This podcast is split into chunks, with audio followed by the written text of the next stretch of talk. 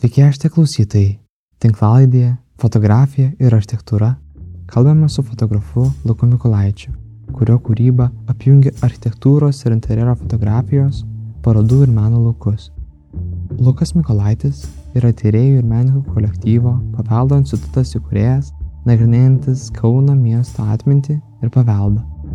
Lukas daugiausiai dokumentuoja Kauno erdves ir architektūrą, su nostalgija žvelgdamas į kintančius praeities sluoksnius.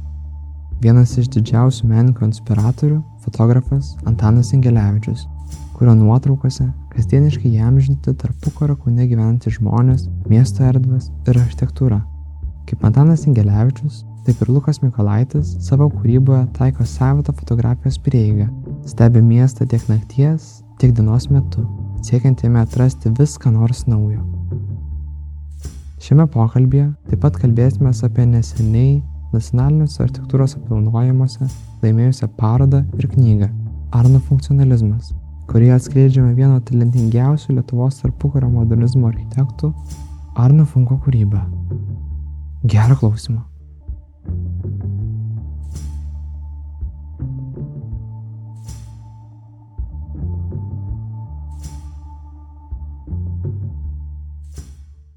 Fainai, kad pasikvietė į namus, darom įrašą pas tave žaliakalnį. Mačiau ir nuotraukas pabirusias ant stalo, studijos kambarį.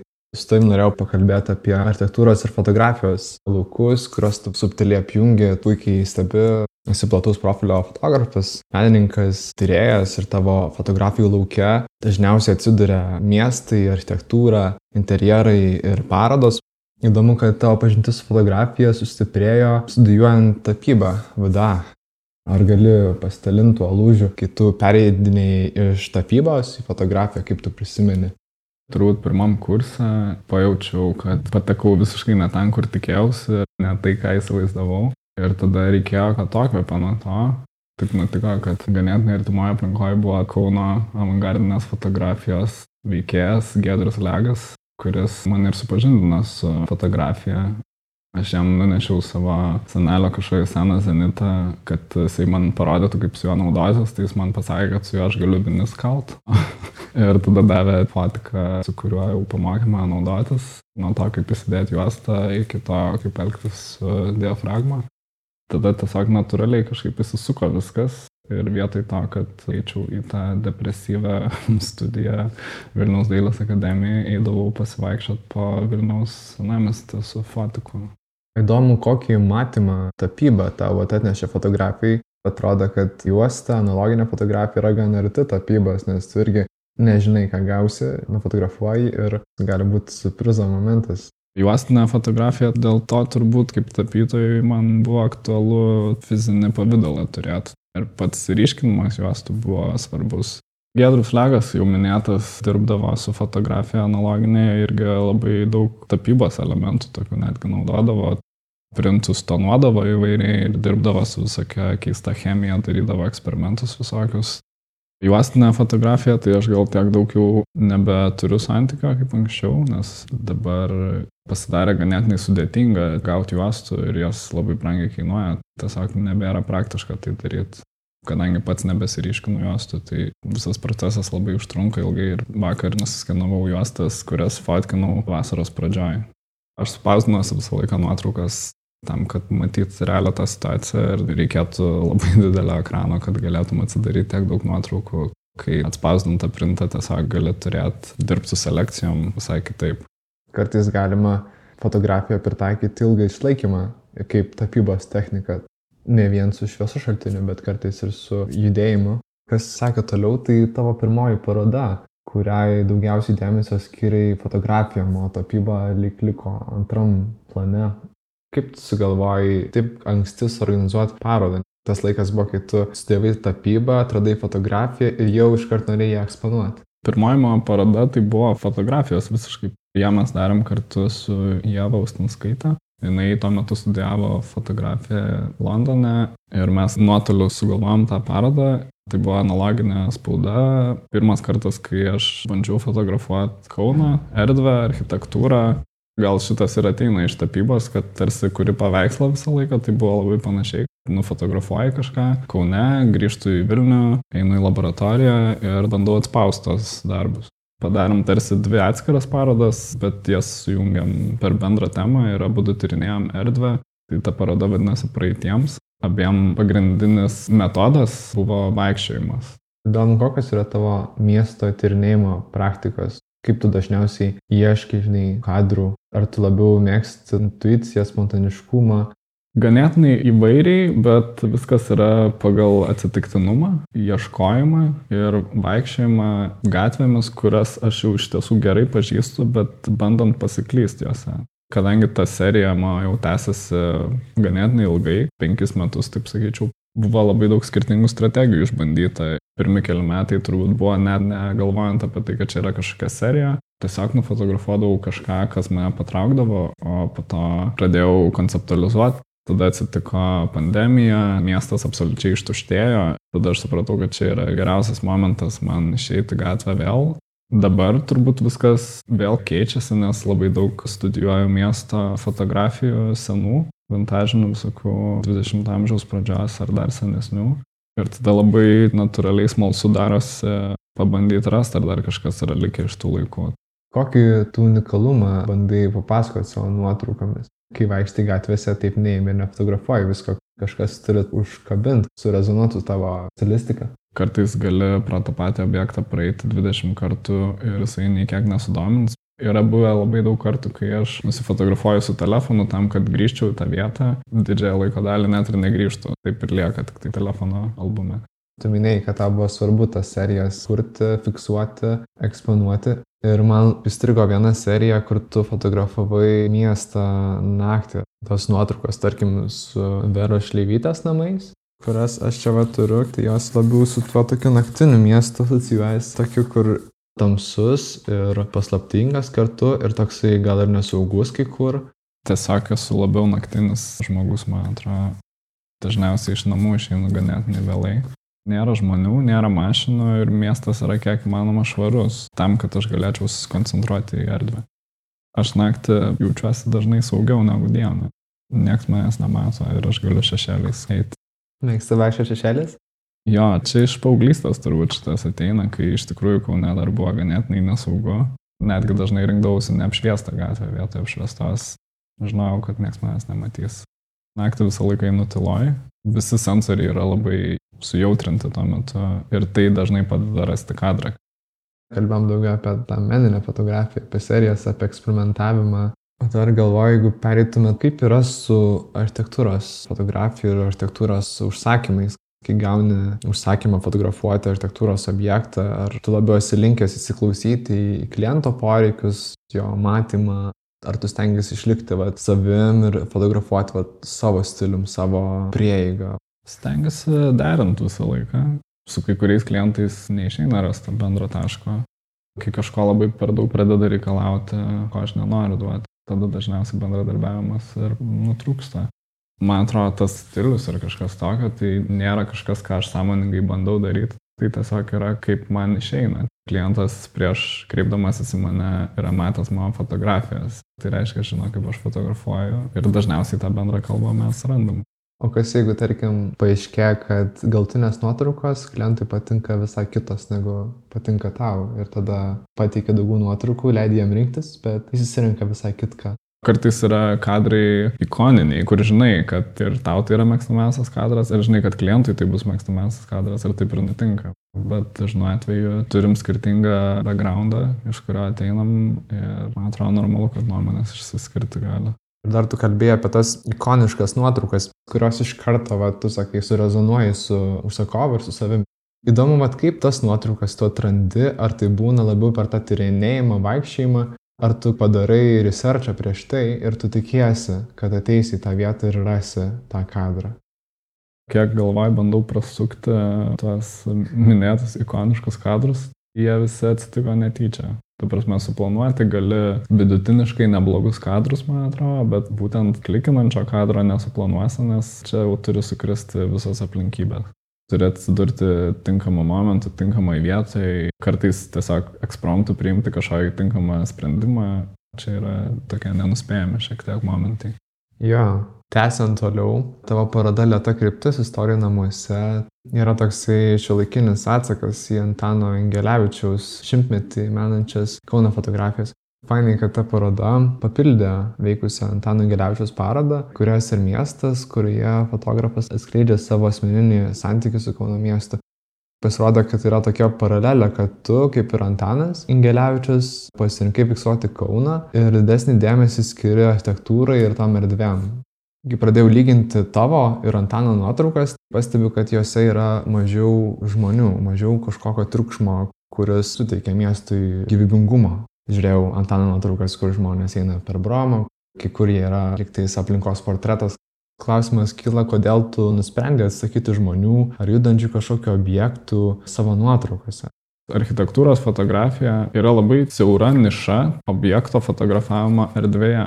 Nėra didelio skirtumo, kokį objektą erdvėje tu fotografuosi. Architektūra išsiskiria to, kad yra didelių gabaritų objektas erdvėje. Žmonių fotografija yra tiesiog kitas žanras, man atrodo.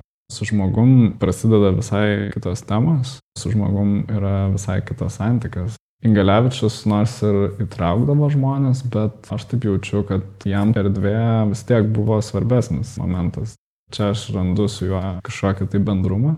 Ir jo fotografijos iš tikrųjų man labai rezonavo ir labai palėtė. Ir aš iki šiol apie jas ir galvoju ir kars nuo karto įsijungiu dar pažiūrėti, nes tai buvo atsakas kažkokiam klausimui, kurį aš nuolat kėliau apie Kauną. Vyraujanti nuomonė apie periodą tarpukario buvo kažkoks aukso amžius Kaune. Ypač iš to laikmečio Kauno visos fotografijos, kurias aš randu, yra labai reprezentuojančios, bandančios parduoti, kitaip tariant. Pas jį fotografijose to nebuvo. Tas mane labiausiai ir sužavėjo. Nuotraukos, kurios labiausiai surezonavo, buvo tie tušti kadrai, kuriuose nieko nėra. Akivaizdu, kad jis bandė uždokumentuoti ir patį nyksmą ir labai tikrą tokį, kokį jis pats pažįsta Kauną turbūt tą patį aš stengiuosi ir apie savo Kauną pertikti. Visai neseniai savo nuotraukų didelę seriją rodžiau keliam žmonėm iš fotografijos galerijos Kauno. Vienas iš komentarų buvo, kad sunku yra atpažinti, kad čia Kaunas. Man asmeniškai čia buvo komplimentas. Parodai tai, ką žmonės šiaip nemato arba kažką tai naujo. Tarkim, tie tarpukaro pastatai daugeliu architektūrą besistominčių žmonių žinomi, pažįstami, Ir atrodo, kad sunku kartais atrasti unikalų rakursą ar kažkokią istoriją su tom nuotraukom papasakoti yra žymiai daugiau. Įdomu dar, ar tu bandai sugrįžti į tas erdves, kurias Antanas Ingeriavičius fotografavo ir ką tu juose randi? Bandžiau iš tiesų, kai pirmą kartą pamačiau fotografijas visas, tai obsesyviai ėjau į tas vietas. Man patinka ieškoti bent kažkokią tai kampučią likusią Kauno Brazilkoje ar Argentinkoje iš tų trabų, kurias galėjo Angelevičius fotografuoti. Iš tikrųjų, iš visų tų vaikščiojimų, kur aš bandžiau eiti jo keliais, tarsi labai pats jaučiausi, kad kažkaip imituoju ir būtent turbūt nepagavau to momento. Padokumentavau tų vietų, bet tos fotografijos į jokią mano selekciją nebuvo niekada įtrauktos. Ir dar kas tavo kūryboje matosi, kad, kaip ir sakai, koncentruosi į erdvę ir ją apibūdančius parametrus tarkim, į nuolat kintančių miesto paviršių choreografiją. Atrodo, kad savo fotografijose bandai ieškoti to miesto audinio ar odos kažkokios, iš ko jis padarytas, kur atsikartoja tie fasadai, kada jie pereina į grindinius ir panašiai. Man įdomu tiesiog, kokį tu miesto audinį atpažinai per tuos septynis metus, kai tu fiksavai nuotraukas parodai, lieta kryptis. Miestas nenatūraliai greitai keičiasi pastaraisiais metais labai dažnai verslas laimi prieš paveldą ir tai jau yra tokia normatyvinė miestiečių netgi pozicija, jie patys to nori, jie nori, kad Kaunas tvarkytųsi. Aš asmeniškai tai nelabai. Gal dėl to šiek tiek jaučiu, kad išsisėmė ir pastaruoju metu labiau stebiu ne tą kismą, kurį fiksavau didžiąją laiko dalį, bet tai, kas nepasikeitė. Kažkas, kas stovi nuo 1893 metų.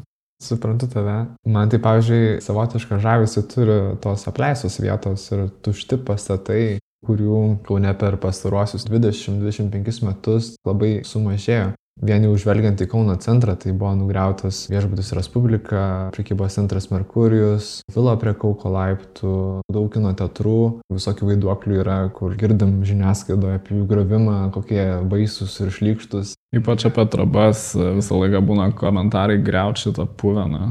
Žiniasklaidos ir žmonių sudaro toks įspūdis, kad tos apleistos vietos yra labai kažko nepatinkančios, nuolat ant jų važiuoja, nors ten galima atrasti įdomių sluoksnių, tokių dialogų tarp istorinės erdvės, permasyti tą apleistą paveldą ir kažkokius momentus, kuriuos prikelia apleista atmintis.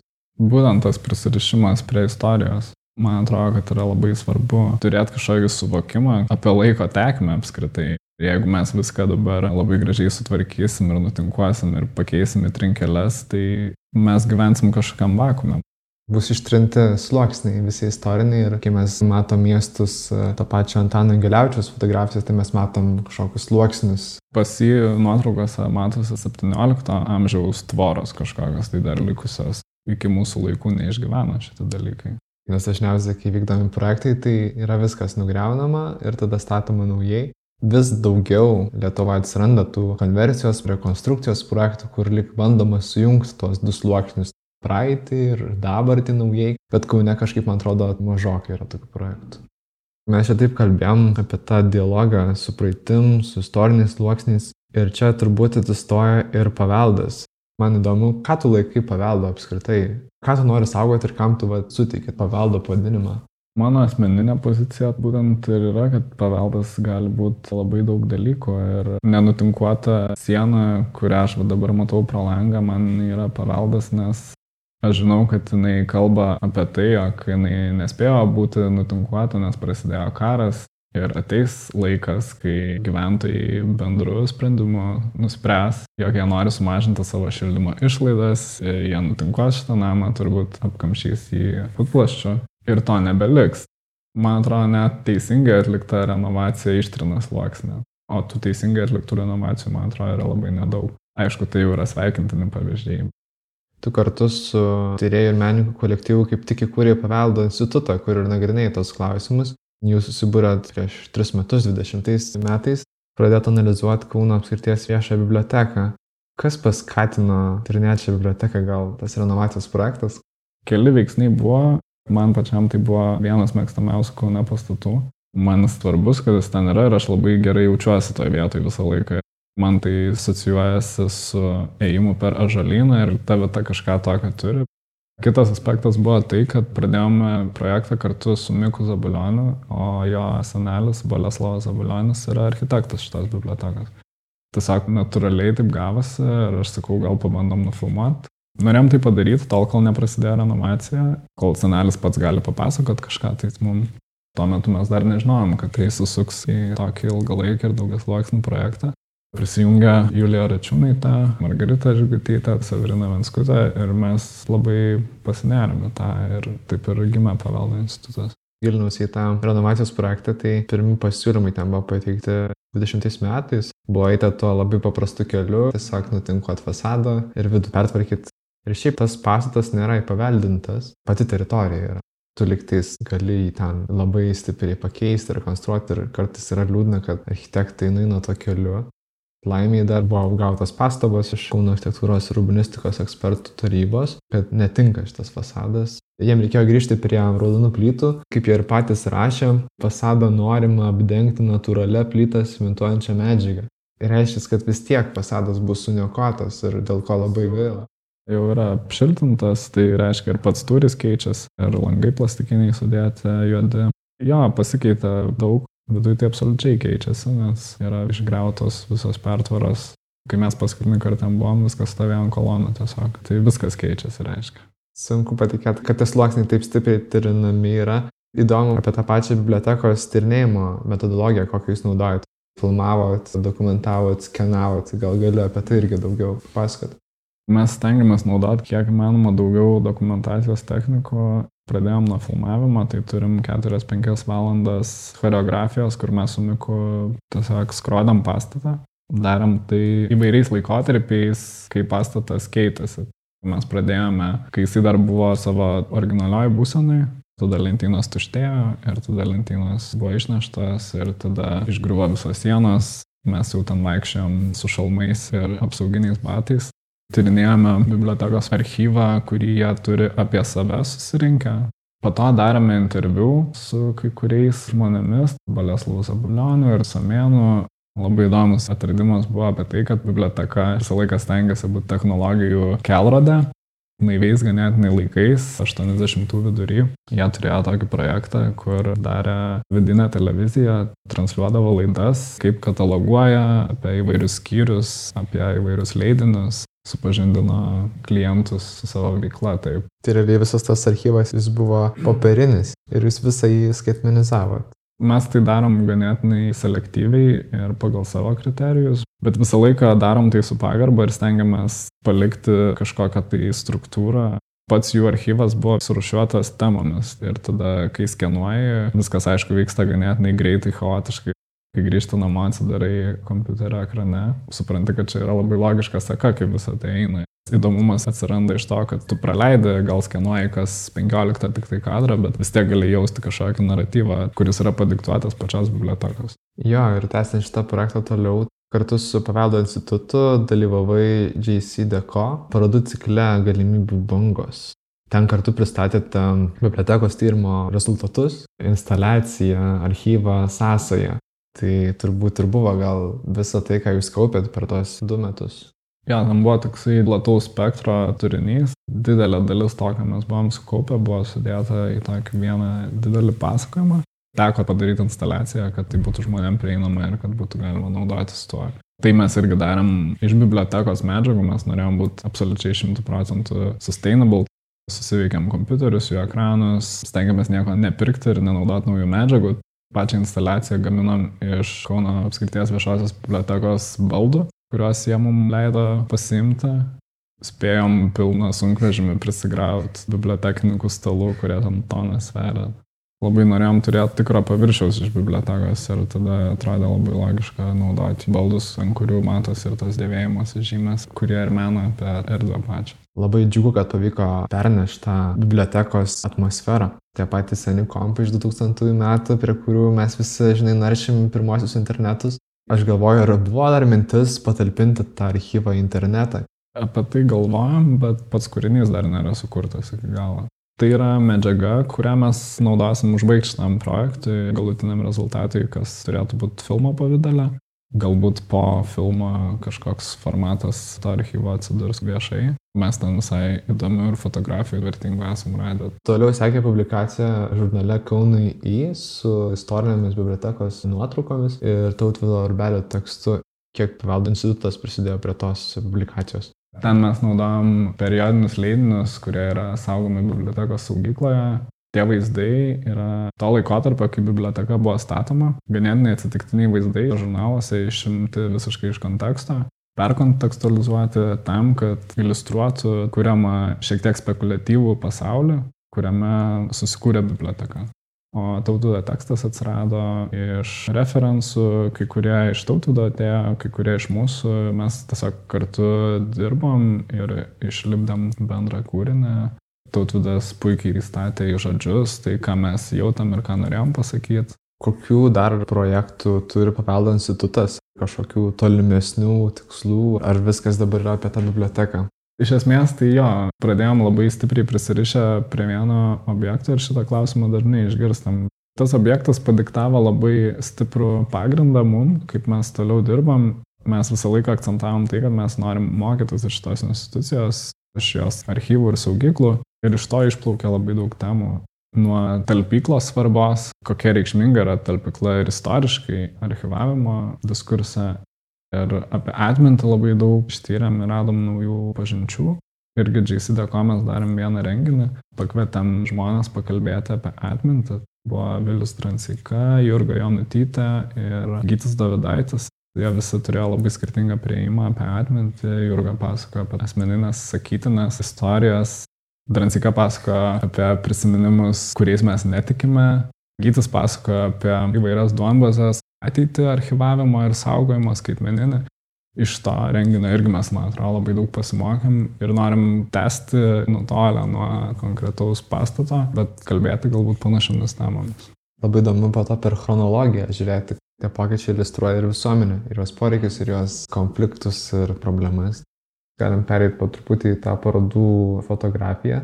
Man tokia užkabinusi paroda, kurią tu dokumentavai, tai buvo Žilvino Landsbergo maldos dūmas Kauno paveikslų galerijoje kurią kaip tik irgi buvo aplankęs, tai paliko tokį įspūdį ir kai peržiūrėjau to nuotraukas, pajutau, kad tu savotiškai užfiksavai tą erdviškumą ir meno ir institucinių erdvių klešą. Grandiozinė paroda buvo man asmeniškai, tai labai labai patiko ir man labai patinka Žilvino darbai. Labai norėjęs pasimti visą laiką ir net ir turbūt tų keturių valandų ar kiek aš ten užtrukau, neužteko labai daug subtilybių, plonybių ir labai daug sluoksnių. Ir tai, kad buvo galerija galerijoje, kurioje irgi dar vyko atskiri ir performancijai po to. Šitas momentas man patinka visą laiką žinant parodose. O jie išskyrė iš kitų parodų, kad ten buvo naudojama daug skirtingo apšvietimo ir spalvų, ir krypčių. Tas jai suteikia drąsią, garsę žinutę. Tas pirmas įspūdis jais tikrai buvo geras ir tada smalsumas, kad norisi tyrinėti. Kaip mačiau tavo nuotraukas, tu įdomi elgiesi apšvietimu. Tu liktai pritamsini kadrą tam, kad išriškėtų apšvietimas. Čia yra vienas iš komentarų, kurį aš gaunu iš klientų kartais, kad per tamsas nuotraukas. Man labiau patinka šiek tiek prigesinti viską. Man ta tokia peršvesta, labai ryški, daug clarity uždėta architektūrinė fotografija. Kažkaip atrodo šiek tiek jau atgyvenus estetika, tai man norisi gal šiek tiek kažko kito. Kita paroda, kurią dar irgi dokumentavai ir kuri man įstrigo, tai buvo Mortos Janinaitės paroda Skirsiniai, kurioje pristatomi kūriniai gimę verpėjų rezidencijoje. Ši paroda irgi išlipo iš galerijos erdvių ir buvo eksponuojama Marcinkonių trukinių stotyje. Tai buvo ta pati erdvė permasyta. Morta subtiliai padalina erdves su tinklais Tavo nuotraukose perteikiamas erdvės taip ganėtinai tiesiniai. Turiu meni, kad jos daromos iš priekio, arba prieš sieną, arba prieš tinklą. Ką tu manai apie šitus kadrus, kaip fotografuoji objektus iš priekio, kai tu neturi perspektyvos didelės? Jo, man labai patiko, kad Marta labai jautriai su erdvė žaidė ir šitą parodą fotografuojant irgi turėjau labai gerą laiką. Aš visą laiką stengiuosi savo pilnoj selekcijai pertikti jausmą, kad keliauja tą erdvę. Dažniausiai pas mane frontales nuotraukas keičia visą laiką įstrižas. Man patinka jausmas, kad tu skradi erdvę. Kartais darai tai keurai, šiek tiek robotiškai nuėjęs nuo žmogaus žvilgsnio. Pilnai selekcijai pas mane visą laiką yra svarbus ir eiliškumas, kaip aš atrenku tas nuotraukas. Galvoju, kad parodų fotografija yra susijusi su interjero fotografija. Noriu dar apžvelgti architekto Gintoto Natkevičiaus suprojektuotą gyvenamąjį namą Žaliakalnyje, kuris stovi ant prieškalnės ir ryškiai dominuoja pačiame kontekste. Tai tu darai jo interjero ir eksterjero fotografijas. Man jis gal kiek priminė futuristinį Nakagino kapsulių bokštą Tokiją, kuris jau yra grenamas. Atrodo architekto užčiopta žinutė. Tas apvalus langas, betono fasadai lik rezonuoja su praeitimi yra labai svarbu kontekstas, kuriame pastatas yra. Tu vis tiek, kai fotografuoji, mačiau, buvo daug nuotraukų ir su dronu darytų, ir kuriuose tu irgi rodai, kaip objektas atrodo iš aukštai kontekste, kaip atrodo iš skirtingų kampų. Man įdomu, koks yra šito pastato ryšys jaučiamas su kontekstu tiek iš vidaus, tiek iš išorės. Aš ilgai laukiau, kol jį pagaliau pastatys, nes labai norėjau jį fotografuoti. Čia toks yra saldainis, nekyla per daug klausimų, tiesiog nori su kuo greičiau imtis to ir padaryti kiek manoma geriau.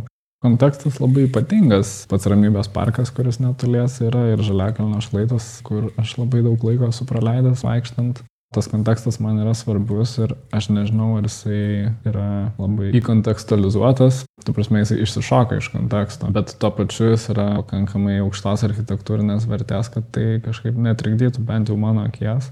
Buvo įdomu fotografuoti šitą objektą iš tiesų. Atrodo, kai mes kalbam apie kontekstą, yra du galimi scenarijai. Tai arba tu pristaikai prie jo ir bandai užmaskuoti tą objektą, arba tu kuri išaiškingą pastatą dominantę kontrastą su kontekstu.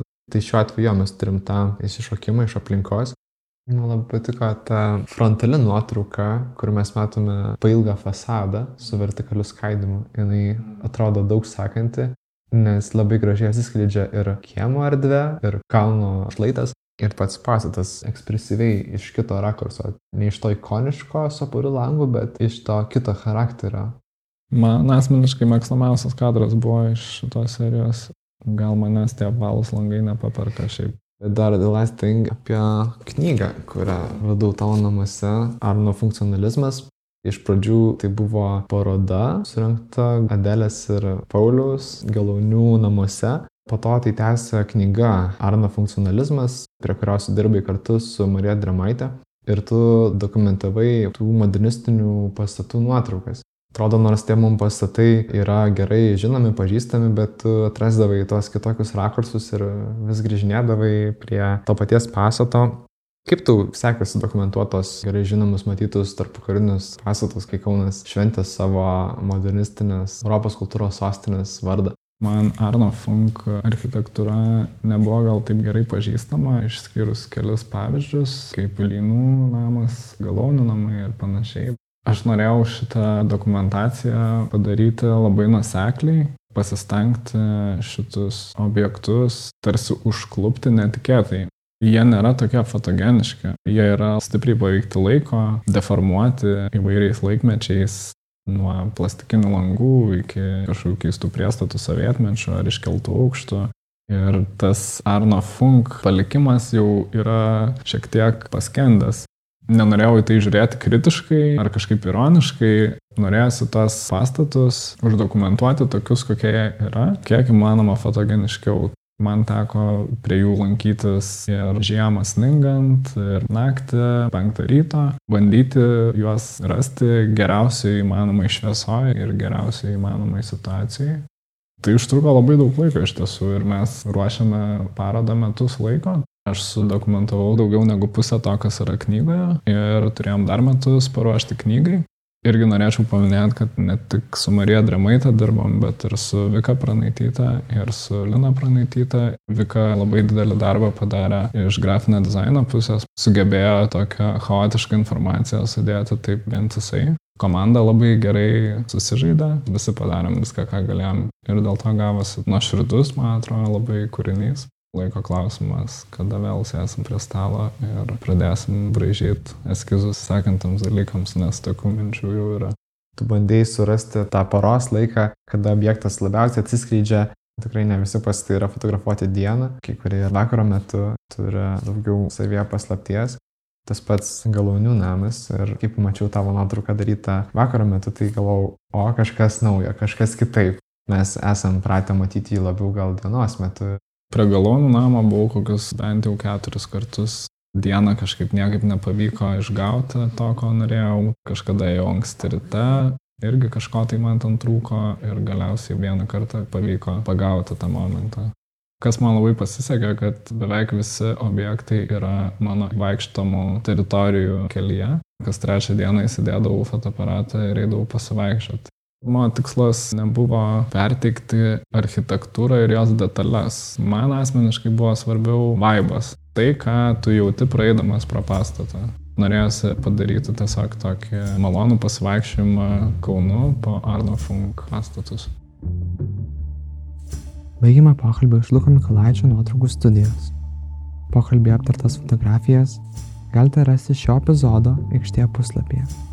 Kviečiame Jūs pristėti prie projekto aikštėje ir paremti tinklalaidę Contribui platformoje.